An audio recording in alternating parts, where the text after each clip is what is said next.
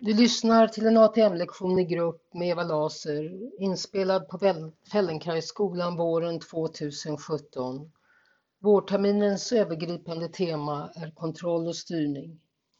De första sex lektionerna under terminen har en tydlig uppmärksamhet på andningsfunktion och möjligheten att utforska den i en övningssituation.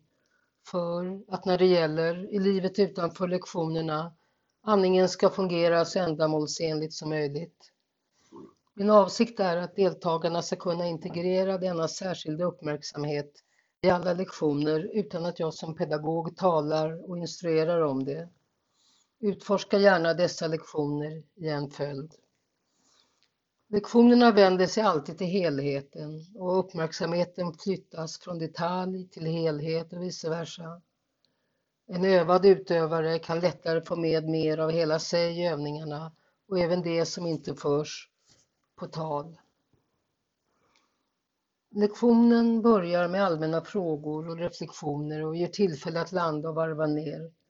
Denna del av ATM-lektionen är inte inspelad. Jag föreslår att du lyssnar på introduktionen när du redan ligger på golvet. Välj en bekväm och varm plats och använd en matta eller filt som underlag. Behöver du extra stöd bakom huvudet, använd en stabil platta i lagom höjd. En kudde är för mjuk. Lektionen är avsedd för personlig utveckling och inte avsedd att ersätta professionell hjälp eller medicinsk behandling. Eva Laser kan inte hållas ansvarig för eventuella skador som kan uppstå. Publiceringen av de inspelade lektionerna är godkända av de närvarande eleverna och lektionen identifieras av datumet då den spelades in med år, månad och dag. Det är gratis att lyssna och att lära. Det är välkommet att du lämnar ett ekonomiskt bidrag för att stödja denna verksamhet. Närmare information hur detta går till finner du på hemsidan. Jag tackar på förhand.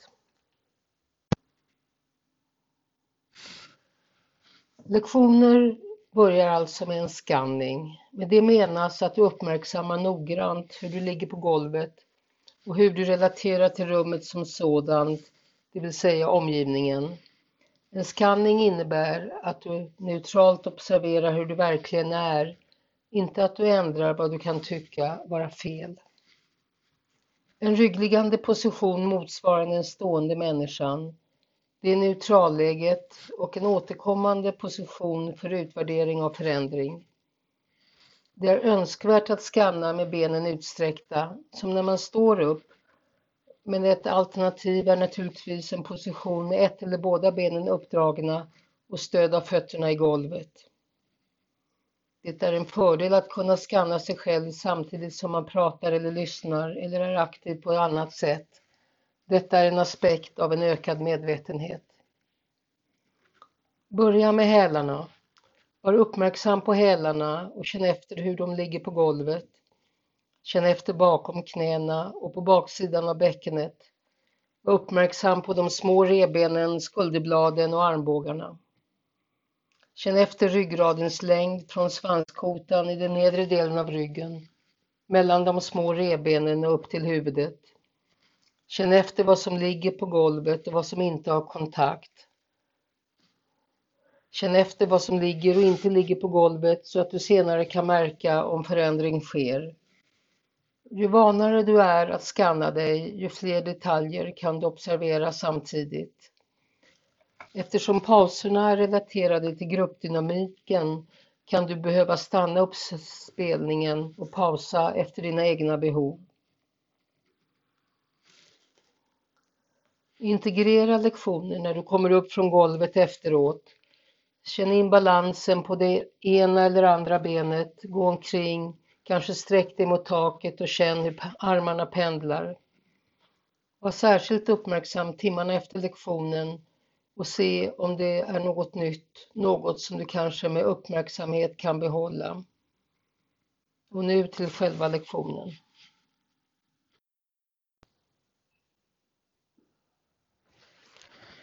Så om ni eh, Om ni tar eh, en hand eller, och känner med handen på halskotorna på nacken med fingertopparna.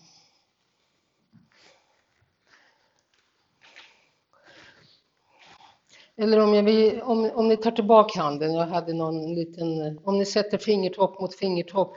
När jag var barn så fanns det en finansminister i Sverige som hette Sträng och han brukade alltid, när han skulle förklara något i, budgeten så satte han fingrarna mot varandra och så tryckte han ihop dem.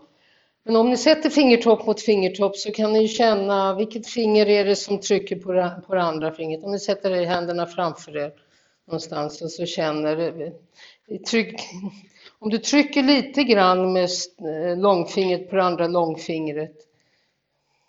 Hur, hur, lite behöver, när känner du att du trycker? Du känner det på en gång att du ändrar, eller hur? Och det tryckta långfingret eller pekfingret känner på en gång. Mm, om du nu flyttar handen och sätter den bakom kotorna och tänker att fingret flyttar kotorna, om du kommer underifrån och flyttar kotorna i riktning mot taket, alltså böj streck och känner efter vilka kotor är det som du kan trycka på. Du kan, den översta kotan känns, kan man, har inte någon sån här baktapp, men sen den, and, den tredje har, den tredje, fjärde, femte, sjätte, sjunde och neråt.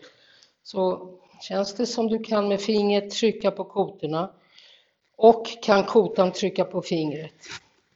Eller några kotor trycka på fingret. Så att den här leken du kan göra med fingertopp mot fingertopp kan du göra kottopp mot fingertopp eller kotutskott mot fingertopp. Det är om du kommer underifrån, alltså bakifrån i riktning mot taket, men du kan också komma från sidan och känna att det finns, eh, att du kan ha någon information med fingertopp mot en kota i sidled både från höger sida och vänster sida. Framifrån kan du inte trycka på kotan för där ligger som vi nämnde förut luftstrupen i vägen, matstrupen. Du kan komma diagonalt och du kan känna, känns det som kotorna ligger rörliga, att det finns någon svikt eller håller du dem hårt, hårt?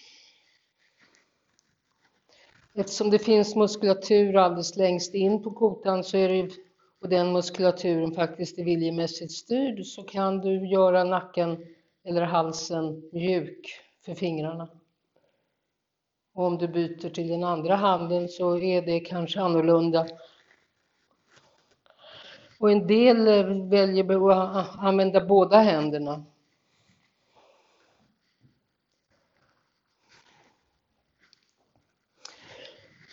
Om du drar upp benen så att du har benen i stående så flyttar sig hela ryggraden och, och, halsen ligger på ett annat sätt och det kanske blir mjukare i nacken eller för en del blir det hårdare. Och om du lägger fingertopparna mellan madrassen och eh, nacken kan du pressa mot fingertopparna och vad, hur gör du då? Prosit. Och eh, låser du andningen när du håller på med det här? Du kan låsa andningen för att du håller på med händerna, du kan låsa andningen för att du håller på med något väldigt pyttelitet och du kan låsa andningen av andra skäl.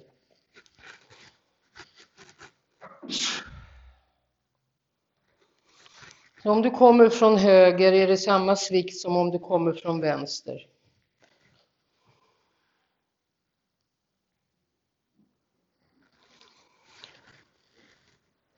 Och om du riktar fingertopparna i riktning mellan skulderbladen så du kommer åt de lite mm, stora kotorna där hängebandet är eller där oket hänger som för en del av oss lätt blir stela. Finns det någon svikt där? Kan du med fingertopparna komma från olika håll och känna att, att det sviktar?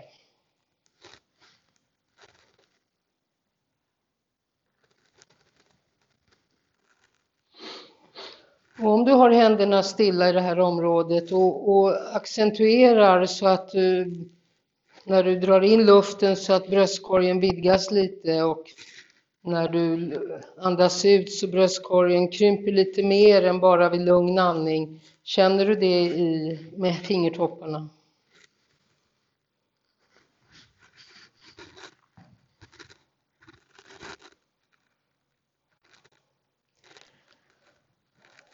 Ta nu och flytta båda händerna och eh, placera dem på bröstbenet.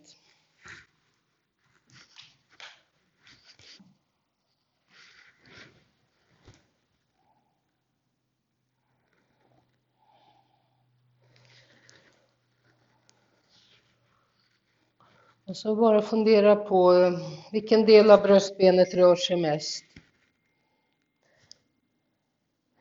Är det den eh, är det delen längst ner vid spetsen eller är det mitt på eller är det uppe vid nyckelbenen?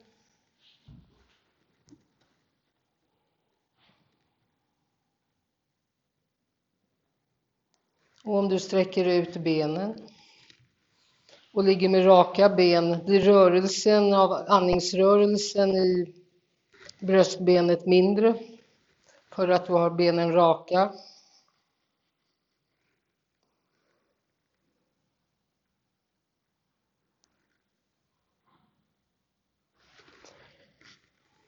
Och sätt upp ett eller två ben igen och jämför.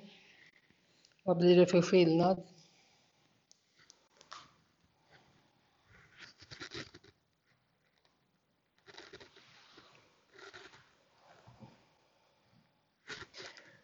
Så jag talade om det nyfödda spädbarnet där hela bröstkorgen verkligen rör sig.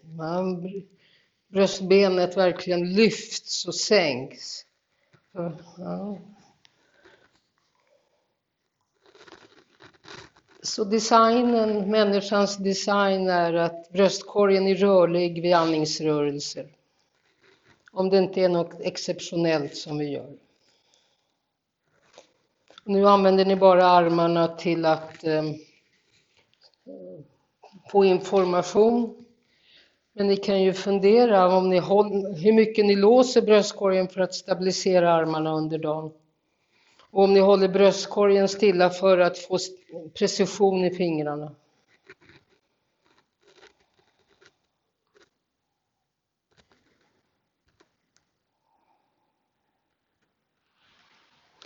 Om ni flyttar ner händerna och lägger dem längst ner på buken så att ni får fingertopparna i, i, eh, i ljumskarna och kommer med handflatorna alldeles på buken, den lägre buken nedanför naveln.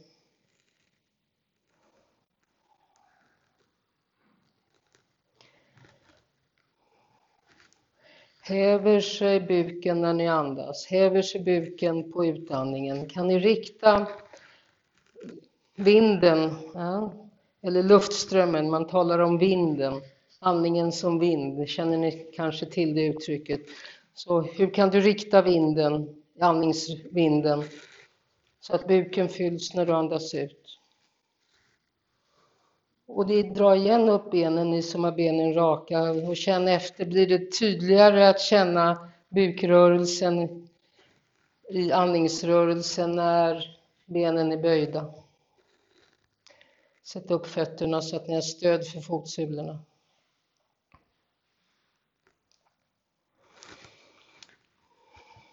Människan har bara två händer, till skillnad från änglarna som hade sex händer. Men du kan föreställa dig att du har fyra händer. Så om du har två händer långt ner på buken i ljumskarna kan du tänka dig att du har två händer under dig motsvarande plats. Så att du har två händer som håller dig ovanifrån och två händer som håller dig underifrån, dina egna händer.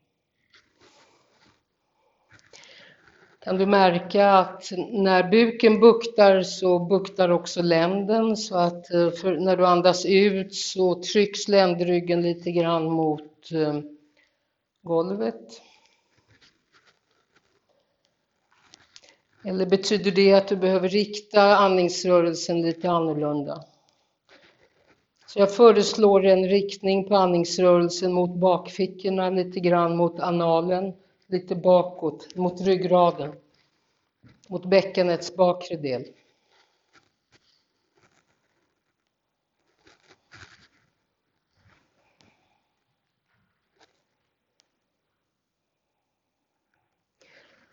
Och så igen ta och lägg en hand på bröstbenet och behåll en annan hand nere på buken och så känn efter med böjda ben, med böjda ben.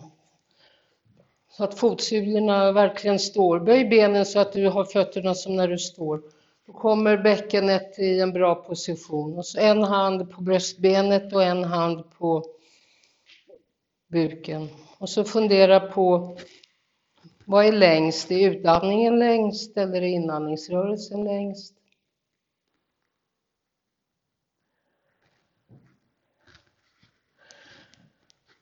Och det är möjligt att dela in hela andningen i eh, fyra faser.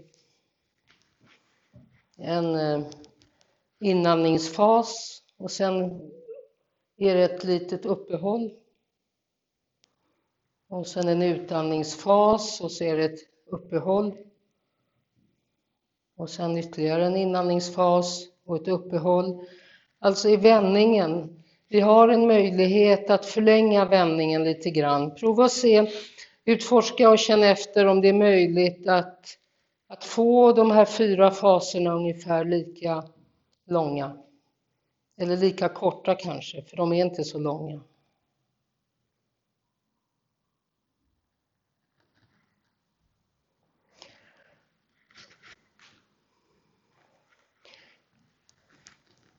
Och om du byter hand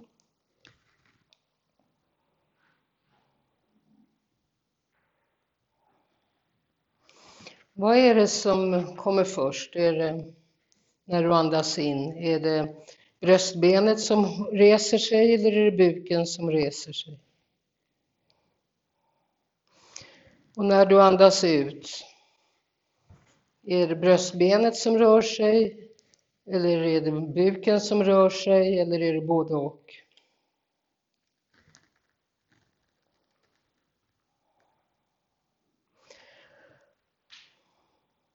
Ta nu och lägg dig på sidan, vilken sida som och om du behöver en platta för att ta stöd av huvudet så har jag gott om plattor.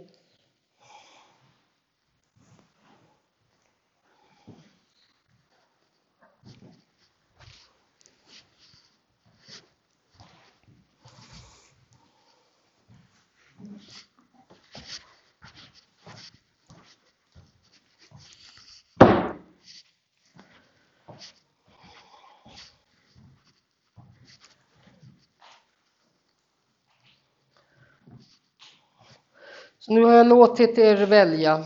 Så en del av er har lagt er på höger sida och en del av er har lagt er på vänster sida av de skäl som du har valt. Aftonbladet Expressen. Så du kan känna hur eh, den undre bröstkorgen rör sig mot golvet när du när andningsrörelsen flyter.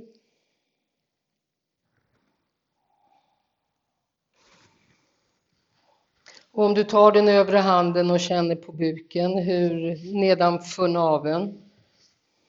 Du kan känna på den övre bukhalvan och på den undre och du kan känna mitt i. Vad skulle du säga om du jämför med hur det var när du låg på rygg med böjda ben? Är det annorlunda rörelse i buken nu?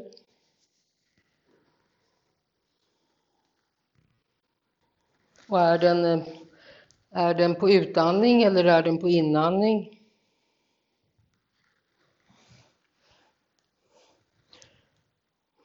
Och jag föreslog förut att du skulle föreställa dig två händer i länden och två händer i ned, över nedre buken.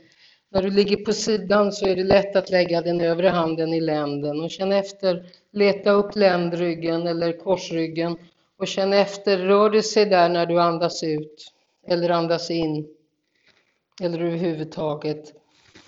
Buktar du bakåt på något sätt? Är det någon har, den, har all hållningsmuskulatur lugnat sig lite så att du kan känna att du buktar och så känn på framsidan. Är det tydligare på framsidan än på baksidan? Än på ryggsidan? Och om du växlar kan du få en känsla av att eh, du buktar bakåt, att kotorna trycks isär av andningsrörelsen.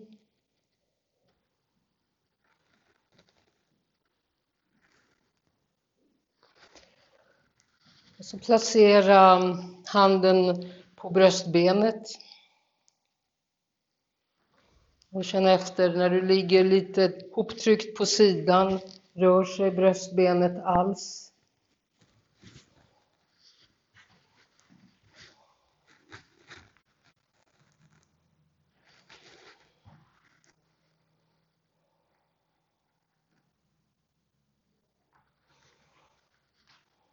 Alltså vi använder handen som för information. Mm. Språkligt sett säger vi att handen begriper.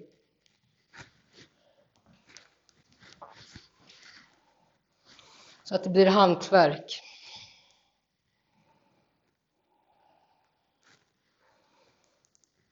Om du sätter eh, handen på de nedre revbenen, nummer 11 och 12, 11 och 12 är mer på baksidan än på framsidan.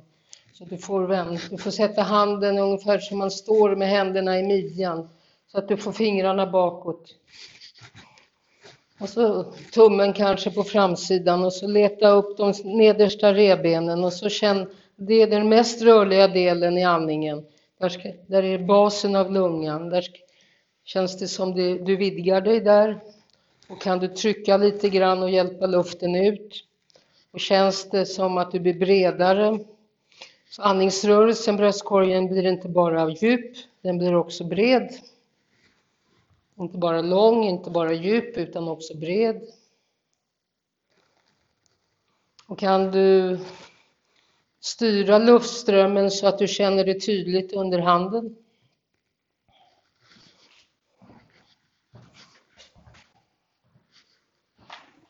De nedre revbenen. Sätt handflatan mot, sätt handflatan mot. Och sätt som du sätter händerna i, i, um, i midjan. Fingertopparna bakåt. Och kan du trycka till lite grann som om, om du skulle pressa ner, blir det en tydligare utandning om du pressar ut luften.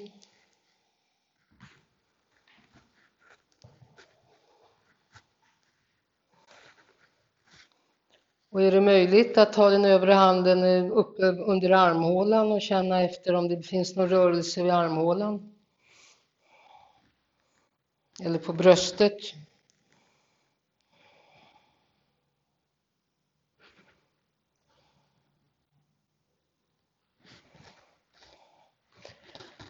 Känner du att bröstkorgen vidgas vid inandning och lungorna fylls och krymper vid utandning kan du stötta revbensrörligheten med fingertopparna. Reben är ju som fingrar.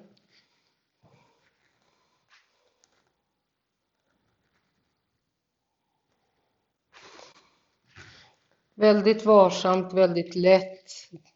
Gör du för hårt så stör du den lugna rytmen. Och var det tycker du att det är bekvämast att stanna? Är det mellan utandningen efter utandningen? Är det där som det är lättast att göra en paus eller är det lättast att göra en paus efter inandningen?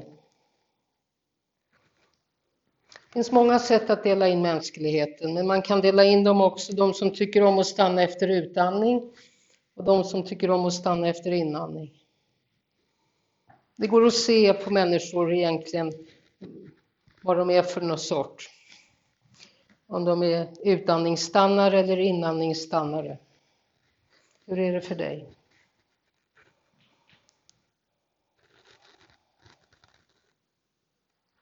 Ta nu och lägg dig på rygg. Sträck ut dig och, och reflektera över den sidan som har varit upp och den sidan som har varit ner.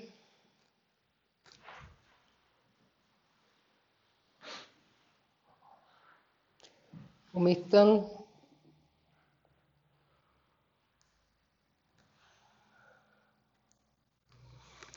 Och där du har varit informativ med din hand är du, eh, är du mer eftergivlig och mjukare och hur känns buken och hur lyfter sig högersidan eller vänstersidan?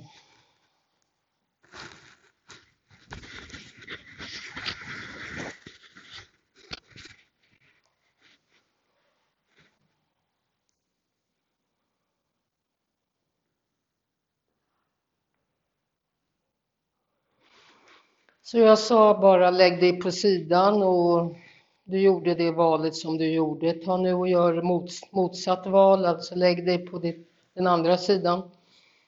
Och nu är det ju inte likadant, för nu har den andra sidan varit uppe och blivit mjuk kanske. Så nu blir den mjuka övre sidan, den undre sidan. Så om man ska jämföra så får man göra det många gånger för att veta verkligen vilken, hur man följer golvet med rebenen och midjan.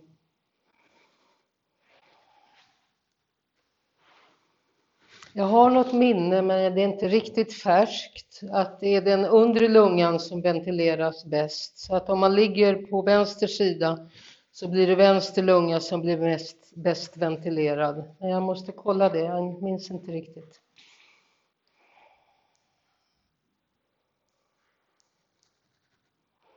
Så sätt den handen i länden och känn efter. Känns, den här, känns det annorlunda när du ligger på den här sidan eller blir det ungefär likadant?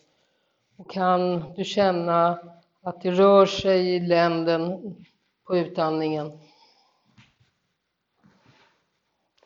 Kan du rikta utandningen så, så att du känner att det rör sig i ländryggen på utandningen? Kan du rikta luftströmmen så att den riktar sig mot lite mer mot skelettet, mot bakfickorna? Mot analen. Det kommer den ena efter den andra hit till min skola och säger ja, jag andas med magen, jag andas med magen, jag andas med magen. Det gör man ju inte, men magen ändrar form. Men man andas faktiskt inte med magen.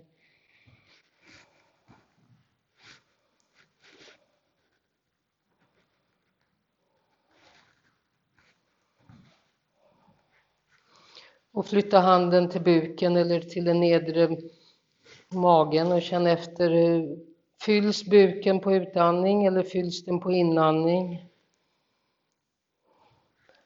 Och så har jag pratat om pausen emellan när du vänder.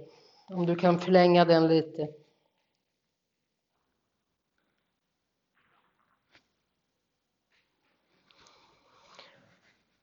Och om du håller stillhet, när du sen andas in eller ut, gör det väldigt mjukt så att det inte blir någon ryckighet. Du kan ha någon, någon rytm eller någon takt du andas ut, du väntar, du andas in, du väntar, du andas ut, du väntar.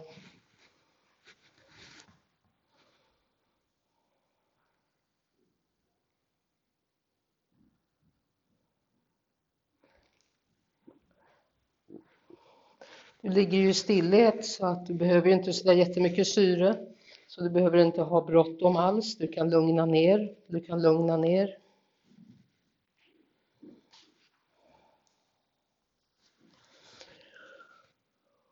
Och om du flyttar handen till de nedre revbenen på den här sidan och känner efter mot njursidan, mot ryggen, finns det, fyller, fyller du basen av bröstkorgen när du andas in? Känns det som du har mjuk svikt i muskulaturen och, och i de nedre revbenen?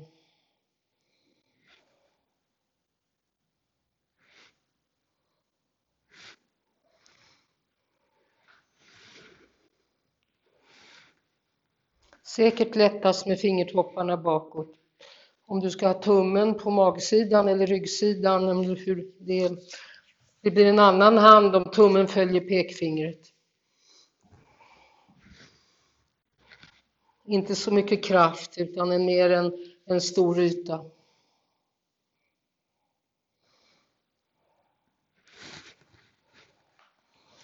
Och du kanske kan flytta från de nedre revbenen uppåt mot armhålan och känna högre upp. Om det finns svikt och om du kan stödja upp eller om du puttar handen inifrån eller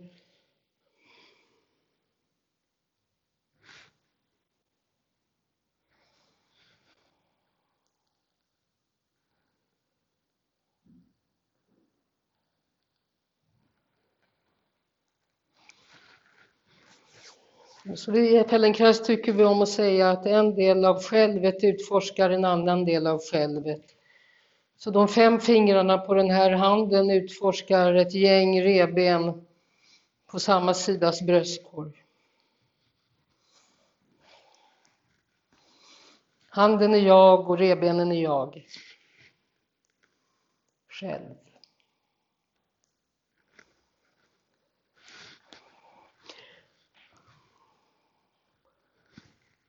Och flytta handen och känna efter hur det, rörligheten finns eh, vid bröstbenet eller vid, under nyckelbenet.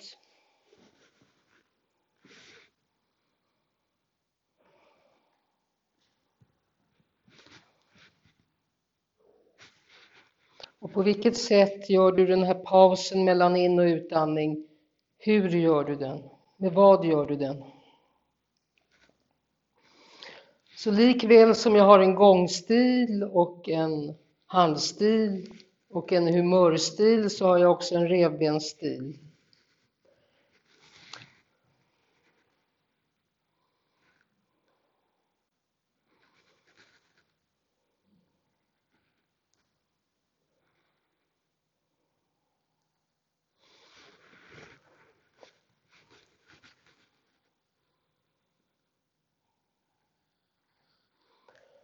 Och kan du dra in vinden så att rebenen lyfter handen? Kan du rikta rörelsen så att du känner den i olika delar av handflatan? Sätt handflatan någonstans där det är bekvämt för dig och känn efter. Kan du rikta rörelsen i, bröstkorgen så att du känner det på olika sätt i handen?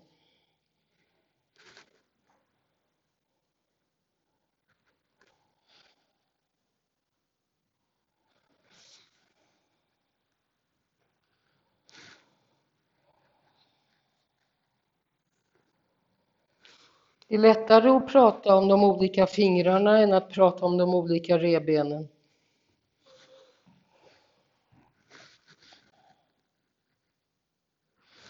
Rulla över och lägg dig till rätta på rygg med raka ben utsträckt.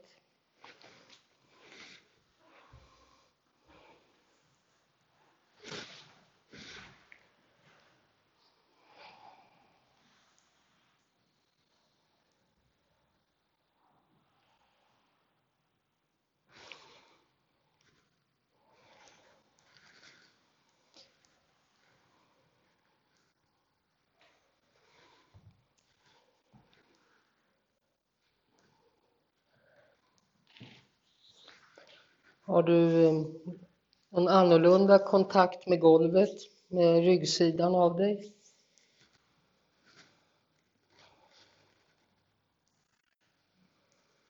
Och kan du rikta utandningsrörelsen så att länden pressas mot golvet?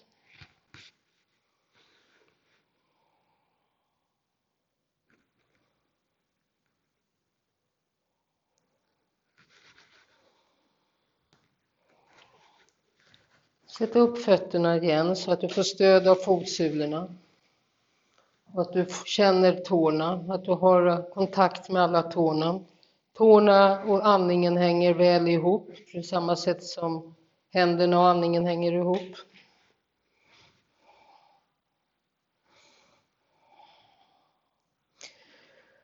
Ja, det har varit tyst, det är min röst som hörs i rummet, men nu vill jag att eh, att du också fyller rummet med röst. Jag vill att du räknar högt.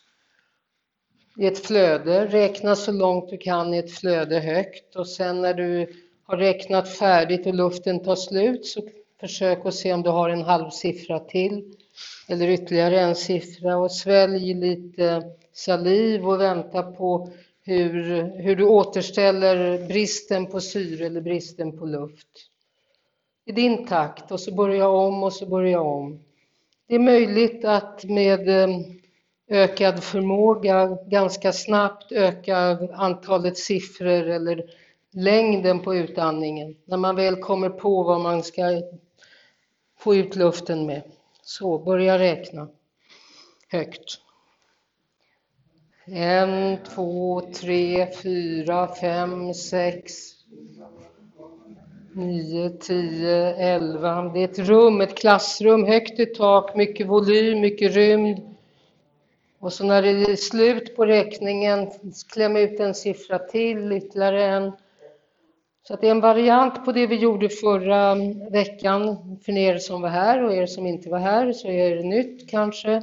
Och så prova att räkna igen högt. Använd ljudet så att du hör ljudet, rikta ljudet. Ja, människan riktar sitt ljud, hon är unik med det hur hon riktar ljud. Djuren ryter och människan riktar ljud. Fåglarna sjunger. Känn hur ländryggen trycks mot, hur buken buktar, hur bröstkorgen krymper. Använd gärna händerna för att krympa bröstkorgen mer.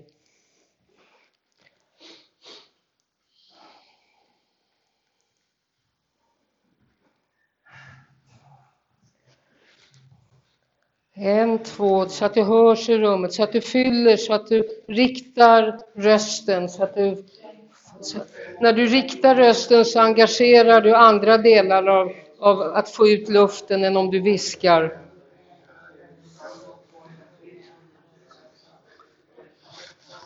Om du får ett flöde, det är bara på utandning, det är bara på utandning. Så att vi riktar med räkningen så riktar vi luften ut, det är vad människor gör. Och du kan känna hur långt du kommer och du kan öka.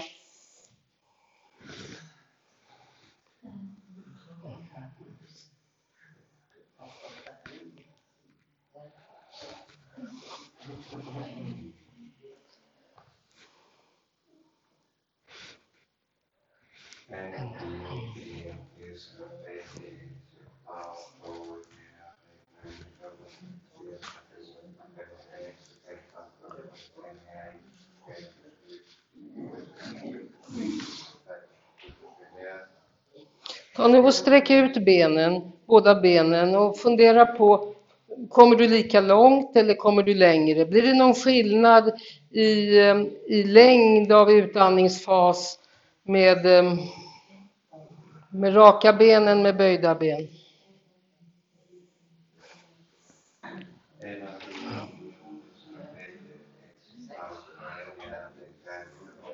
Högt, högt.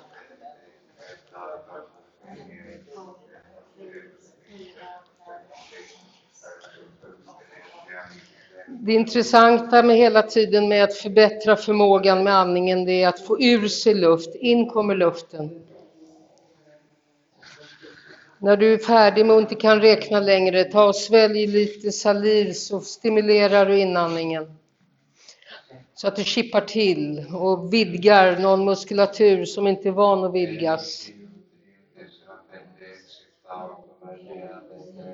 Buken stor, bröstkorgen liten.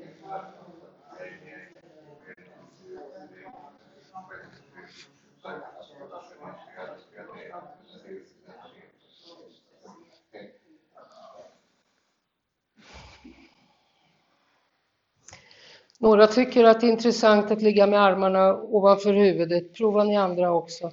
Känn efter. Eh, att ha armarna uppåt ändrar formen på rebenen och bröstkorgen. Får ni i er mer luft när ni har armarna utåt är det, eller är det svårare att få ur luften eller är det lättare att få in luften?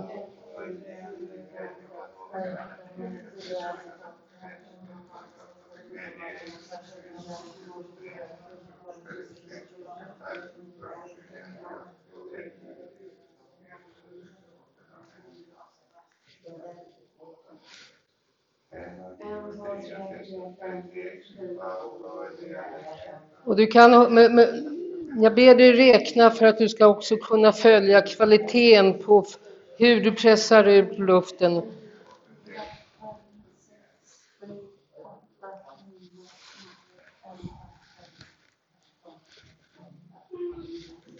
Eh,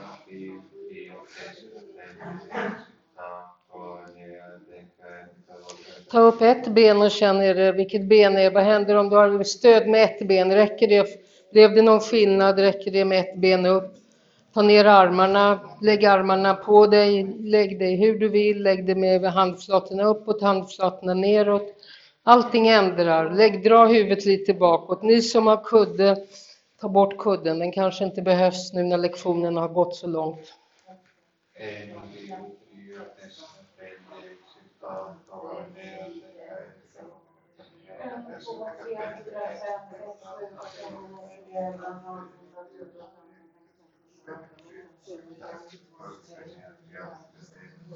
I vilken ålder kan ett barn blåsa upp ballonger? Ta och vila en stund och bara samla intrycken. Räkna färdigt och vila sen. Mm. Jag minns inte allt vad jag berättar för alla, men eh, det finns en eh, det fanns en man i Amerika 60-talet som var sångare som arbetade med att förbättra luftandning. Han, eh, han skulle göra en, ett experiment med människor som var svårt sjuka i lungsjukdom så att de inte hade så mycket andningskapacitet. Så han delade in dem, de delades in i två grupper och den ena gruppen lärde han att utnyttja varenda uns av muskulatur i, i mellangärdet och i bröstkorgen och i, i ryggen och, var, och armarna. Och den andra gruppen mätte man bara hur mycket de kunde andas. Och de var svårt sjuka, så att det här var för att förlänga deras liv. Men de fick avsluta det experimentet, för de som lärde sig att utnyttja varenda uns av andningskapacitet, de levde och de andra levde inte. Och det blev inte, ja, ni vet det där med etiska undersökningar. Men det går att förbättra och förbättra. En del av er har jag gett det här som en idé att räkna, andra inte kanske. Jag har en elev som räknar varje morgon och hon har, när hon kommer så har hon en annan röst, hon, har, hon räknar längre, hon är rikare med andra ord. Det är ganska lätt, ganska lätt sätt att få tag på det. Hur långt kommer jag? Det kan vara motiverande för att man hör hur länge man räknar. Men vi ska prova det liggande på sidan också. Så fundera, lägger på den ena sidan eller den andra sidan. Det spelar ju mig ingen roll, vi kommer så småningom att ligga på båda. Men välj. Ehm, så kan vi eh, mäta lite grann om det är skillnad, längd eller om det är skickligheten, vad vet jag. Så räkna liggande på sidan och se hur, hur är det. Igår var det väldigt stor skillnad för en del. En del räknade mycket bättre liggande på sidan än liggande på rygg och så var det naturligtvis tvärtom. Så hur är det för dig? Så börja räkna högt. Och vill du trycka på med handen så sätt handen på revbenen där du behöver det.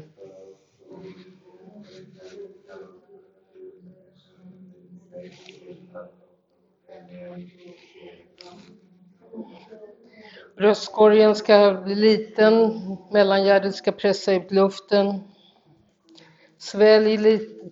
Ta en siffra till när du tror att det är klart så att du försätter dig i den här lilla skulden. Hosta till.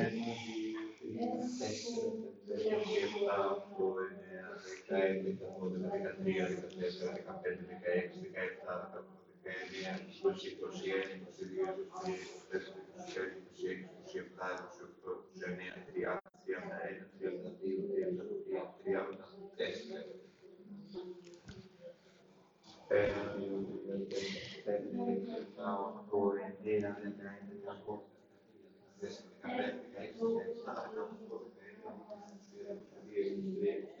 Thank you.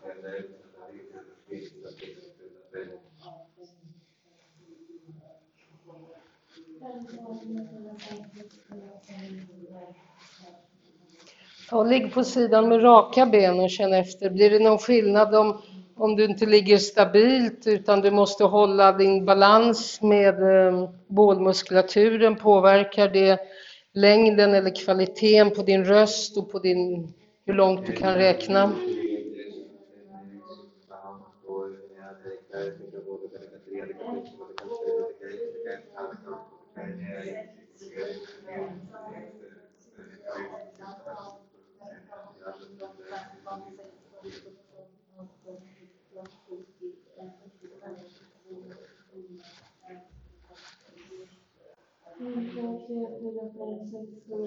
Och dra upp benen igen och jämför eller gör det så att det är bekvämt eller lägg dig som du har lust att utforska.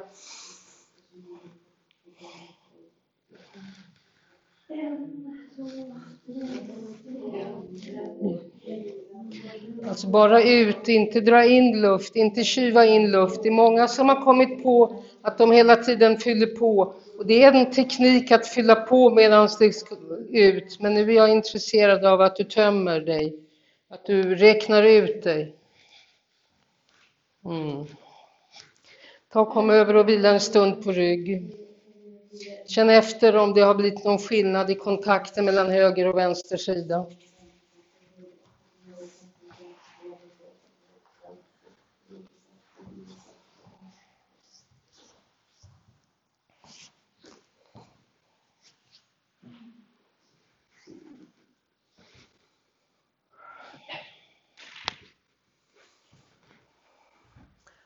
Så förbättra förmågan, det är ju när vi arbetar på det här sättet med oss själva, det är ju utnyttja det vi har lite.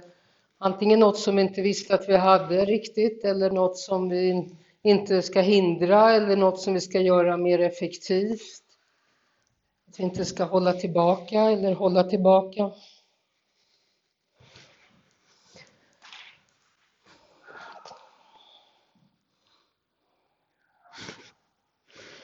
Och så ta och lägg dig på andra sidan än den första sidan så att vi under lektionen kan göra någon liten jämförelse. För en del är det stor skillnad, för andra är det ingen skillnad. Men det vet vi inte förrän du har provat hur det är just idag.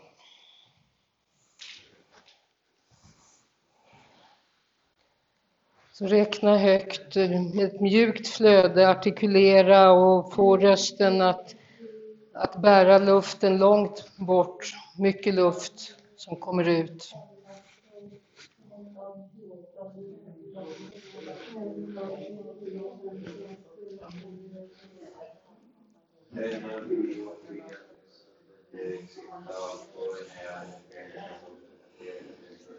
Försätt dig i, i det här lekfulla, att du inte blir presterande utan du använder räknandet som en ett redskap, inte som prestation och inte som ångest.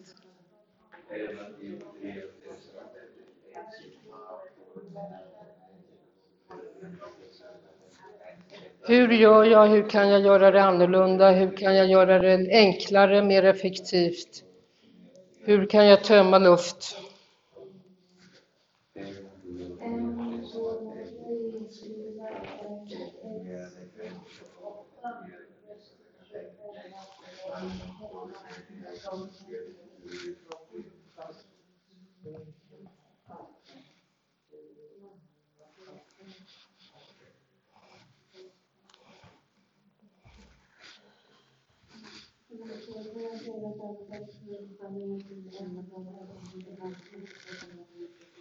Och jag föreslog förut att ni hade benen raka, så att ni, och, om, vad blev det för skillnad om ni låg lite mer skakigt och behövde hålla balansen, involverade det räkningslängden? Eh,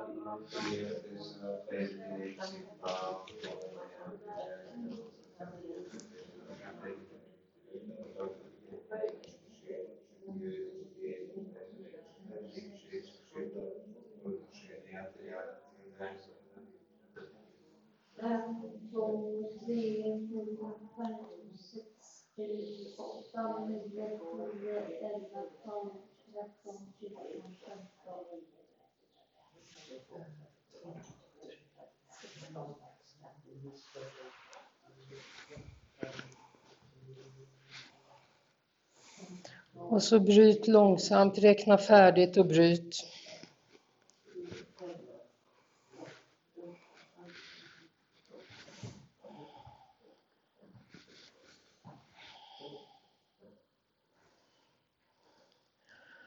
Och så avrundar jag den delen av lektionen och så får, ska vi se. Jag är lite intresserad av att ni berättar vad som har hänt, för jag håller på att utforska, men jag avslutar den här delen.